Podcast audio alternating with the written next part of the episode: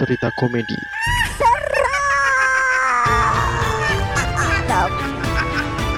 Balik lagi di Sisi Sadar bersama saya Rizka Farah. Bersama saya Sena Sindu yang saat ini lagi nongkrong dengan para indigos. Woi, Aduh, lu mulai bikin komunitas ya? bener komunitas ada kumpulannya bro. Eh, kalau misal kopdar gitu ngapain, Cuk? Adu penglihatan, waduh.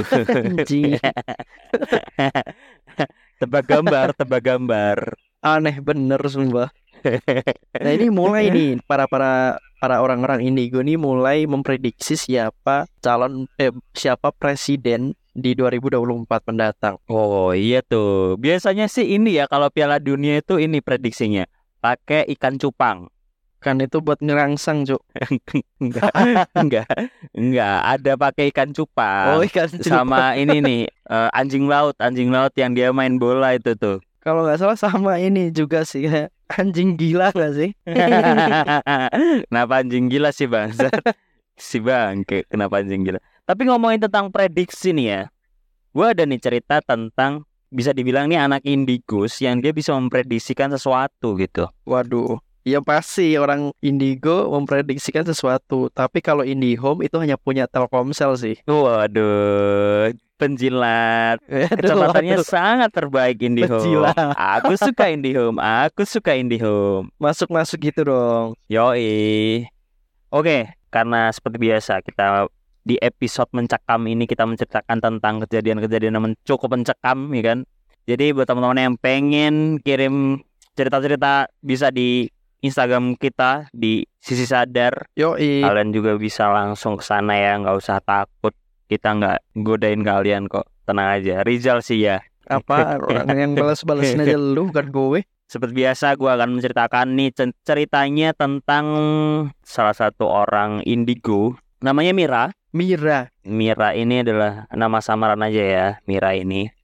Jadi Mira ini lahir 13 November 1999. Oh, Dan saat kecil, si Mira ini udah berbeda gitu daripada anak-anak usia lainnya gitu. waduh dia memiliki sayap. Nggak, berbeda nggak harus pakai sayap bro. Duyung, jangan-jangan dia duyung, Cuk. Bukan, kenapa jadi duyung sih bangsat? Oi, kenapa lu yang ngatur ceritanya? Oke, oke. Ya kenapa dia berbeda gitu loh. Oke, ini ini ada penjelasannya. Dia seperti lebih dewasa daripada anak usianya gitu. Di umur 3 aja nih ya, 3 tahun gitu ya. Pikirannya atau apanya nih? Fisiknya atau Cara pikirannya? pola pikirnya, pola pikirnya. Di umur 3 tahun ini ya, dia sudah tahu judi online. Enggak. Di umur 3 tahun dia udah tahu bagaimana eh, dia itu mendapatkan sesuatu informasi yang biasanya dia itu mendapatkan informasi itu dari tontonannya gitu. Tontonannya yang di mana di usianya itu harusnya dia nonton kartun, nonton ya tontonan anak-anak lah ya. Dia itu malah nonton berita-berita yang cukup berat gitu yang ditayangkan di surat kabar gitu ya, radio maupun televisi. Oke. Jadi dia ngikutin tuh berita-berita di luar gitu. Pada saat itu di umur 3 tuh dia juga ngikutin. Padahal biasanya di usianya tuh ya tadi ya eh, dia harusnya dengerin atau membaca atau melihat atau menonton ton- tontonan anak-anak di usianya. Oke. Waktu itu di umur 3 itu juga ibu Mira ini hamil anak kedua gitu. Sedangkan ayah Mira harus berangkat bekerja di Jepang karena ya tuntutan dari perusahaannya. Oke. Sehingga Mira tinggal bersama ibu Mira dan calon adiknya itu yang masih dalam kandungan gitu kan. Hingga di umur lima tahun saat itu kejadiannya tuh ada tsunami Aceh. Eh, eh. Jadi satu hari sebelum kejadian tsunami Aceh gitu ya, Mira ini udah tahu dan mengatakan kepada orang tuanya, kepada ibunya gitu. Ibu, besok bakalan ada bencana besar. Kamu bilang apa sih, Nak? Iya, bakal ada bencana besar yang menyapu daratan. Air akan datang seperti berdemo dan sangat besar. Seperti berdemo. Maksudmu seperti berdemo 212. Hei, wait, hei, Weh, hei. Mira, kamu dengar dari siapa itu? Dari om belakang aku ini. Hus, jangan dengerin semua kata-kata itu ya. Jangan lagi kayak gitu. Nah, kemudian nih, karena mendengar kata-kata itu, ya Ibu Mira masih awalnya sih berpikiran positif gitu kan. Karena mungkin itu kayak kayak kayalannya si anak-anak kan masih umur lima tahun gitu kan. Hingga keesokan harinya ternyata benar muncullah berita tsunami Aceh yang dahsyatnya super sekali Waduh. meratakan pesisir pantai di Aceh. Oh, ini ya oke. Terus terus terus. Kemudian di umur 11 tahun Mira Inti juga mengatakan bakal ada bencana api yang sangat dahsyat gitu. Cuman waktu itu dia tidak mengatakannya secara langsung, cuman dia kayak ngomong ngomong-ngomong aja gitu, ngomong-ngomong sendiri gitu dan ibunya tuh mendengarkan. Dan benar. Esoknya eh, bencana itu terjadi gitu. Ada gunung meletus yaitu Gunung Merapi di Jogja. Waduh, waduh, waduh, waduh. Kali ini Ibu Mira lebih khawatir sih daripada kejadian eh, enam tahun yang lalu gitu. Hingga akhirnya eh, Ibu Mira ini dibawalah si Mira ini ke ketetua dari keturunan Ibu Mira. Jadi Ibu Mira ini adalah salah satu keturunan dari suku Dayak gitu ya. Jadi pedalaman Kalimantan. Oke. Akhirnya setelah dibawa ke tetua dari di suku Dayak itu katanya itu sudah takdir Mira gitu tidak bisa untuk dilawan. Tapi ada pengecualian yaitu salah satunya hal yang mungkin bisa dilakukan tapi tidak untuk dianjurkan. Sampai akhirnya Mira di usia 19 nih 19 tahun ya Eh, Mira mulai suka ngewe anjir. Enggak Kata lu serius anjir. Kenapa tiba-tiba bab mesum bangsat? Nggak maksud gua dia di 19 tahun gitu ya dia bercerita kembali gitu ke bahwasannya akan ada kecelakaan dari langit. Dan itu kayak tau nggak sih kayak ngelindur terus ngomong sendiri gitu. Nah ibunya tuh Iya, iya. ini notice gitu Mira ngomong kayak gitu. Padahal umurnya juga juga udah gede gitu. Kenapa dia masih ngobrol sendiri gitu. Dan benar besoknya ternyata ada pesawat Lion Air yang hilang kontak sampai akhirnya ditemukan dan dikabarkan mengalami kecelakaan. waduh, vision ya itu ya. Iya kan? Bener gak sih namanya vision ya? Iya ada punya vision, iya benar. Ibu Mira sebenarnya udah tahu dengan hal ini gitu ya, makanya dia dari awal nih berpikiran positif dulu nih. Mungkin ini bukan bukan hal yang dia khawatirkan gitu selama ini. Sebenarnya di keluarga Ibu Mira ini memiliki pendamping yang dapat memberikan informasi masa depan. Jadi ada vision yang diberikan oleh salah satu sosok yang mengikuti garis keturunannya Ibu Mira. Oke. Tapi semua yang menjadi wadah pendamping ini di usia ke-20 tahun orang ini yang mem- yang menjadi pendamping itu ya wadah pendamping ini akan meninggal. Waduh ngeri banget, Cuk. Kasihan sih. Iya, jadi emang dari dulu udah gitu tuh. Nah sebelumnya, sebelum si Mira ini ya kan, kejadian itu ada di kakaknya Ibu Mira.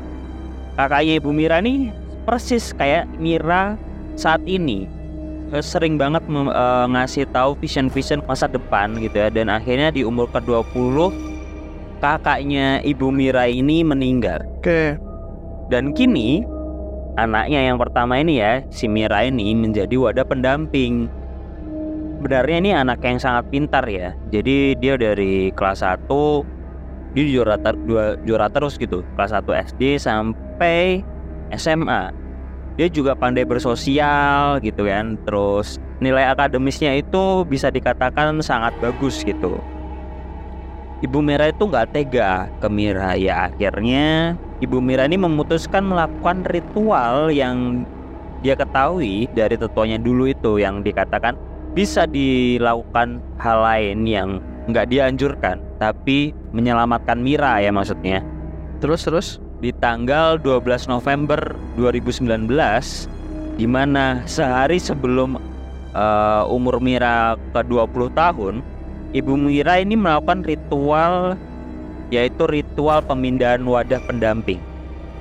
Yang di mana resikonya adalah kematian. Aduh, pasti gitu. Sebenarnya yang dibutuhkan tuh hanya hal yang simpel sih. Contohnya, Yang ya nggak mesti bukan contohnya. Yang dibutuhkan untuk ritual ini itu hanya darah Mira dan kemauan Mira sendiri untuk memindahkan pendamping. oke. Mira, kamu suka dengan hidup kamu ini? Kenapa gitu ibu? Kok tanya kayak gitu?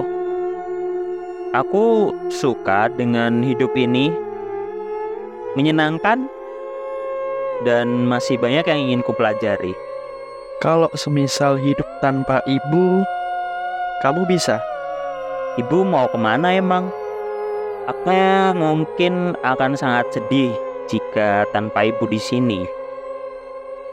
Tapi jika itu adalah takdir, aku harus siap untuk lebih dewasa sekarang tanpa ibu di sini. Kebetulan ibu mendapat job untuk membongkar keramik rumah Pak RT. Bisa, bener. gua udah membangun membangun ruangan ini tuh cukup sedih gitu loh. si Tiba-tiba bangke. Ibunya mau pamit, ini ada job bongkar keramik.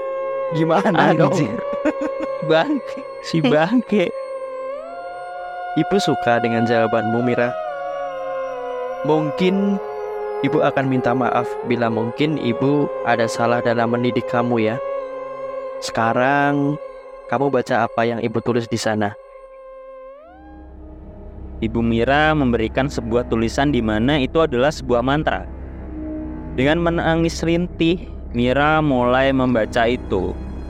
Terlihat sangat kelam banget sih di dalam situ di ruangan itu. Jadi kondisinya waktu itu tengah malam dan hanya ada Ibu Mira dan Mira sendiri sedangkan adiknya itu dirawat oleh budenya waktu itu. Oke. Kemudian tangan Mira diangkat dengan pisau kecil dan Ibu Mira menusukkan jari ke eh menusukkan ke jari Mira.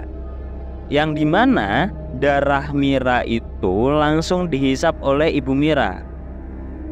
Kemudian di akhir mantra yang dibaca oleh Mira ya, Ibu Mira ini mulai kejang gitu, mulai kejang, mulai mulai tidak sadarkan diri gitu. Oke. Hingga akhirnya Ibu Mira pun meninggal di tempat. Waduh, karena dia nggak kuat nahan itu kali ya. Iya memang karena kan resikonya sangat tinggi kan dan ya memang ya resiko itu udah di, ditanggung oleh Ibu Mira gitu. Mau meninggal atau nggak meninggal ya sudah. Setelah kejadian ini Mira terus hidup. Dia lebih mem- memaknai arti hidup karena Ibu Mira yang sangat berani itu berani untuk mengorbankan dirinya untuk hidup anaknya Mira. Waduh, kasihan cuk. di luar sana mungkin masih ada ya orang-orang yang rela membunuh satu sama lain demi kepentingan yang sebenarnya ujungnya adalah politik dan sumber daya alam. Waduh, waduh, lu mengkritik kasus ini ya Sambo kemarin ya? Bukan. Kenapa jadi sambo sih? Anjir ngeri banget gua. Enggak, ada. Kan banyak banget tuh di situ kan. Ini cerita ini cukup eh, apa ya? Ya sedih sih sebenarnya ya. Kalau endingnya ya kita pahami dari endingnya tuh sedih sih. Iya. Seorang ibu meng- mengorbankan nyawanya sendiri buat keberlangsungan dan ketenangan anaknya gitu bro. Bener. Ya sekali-kali kita kasih cerita yang inspire gitu, yang bikin menginspirasi orang-orang gitu kan. Lu kira selama ini kita bercerita tidak ada isinya? Oh, Oh, oh, oh, memang. lu kira nggak ada isinya? Lu menyepelekan berarti? memang. Emang gak ada isinya.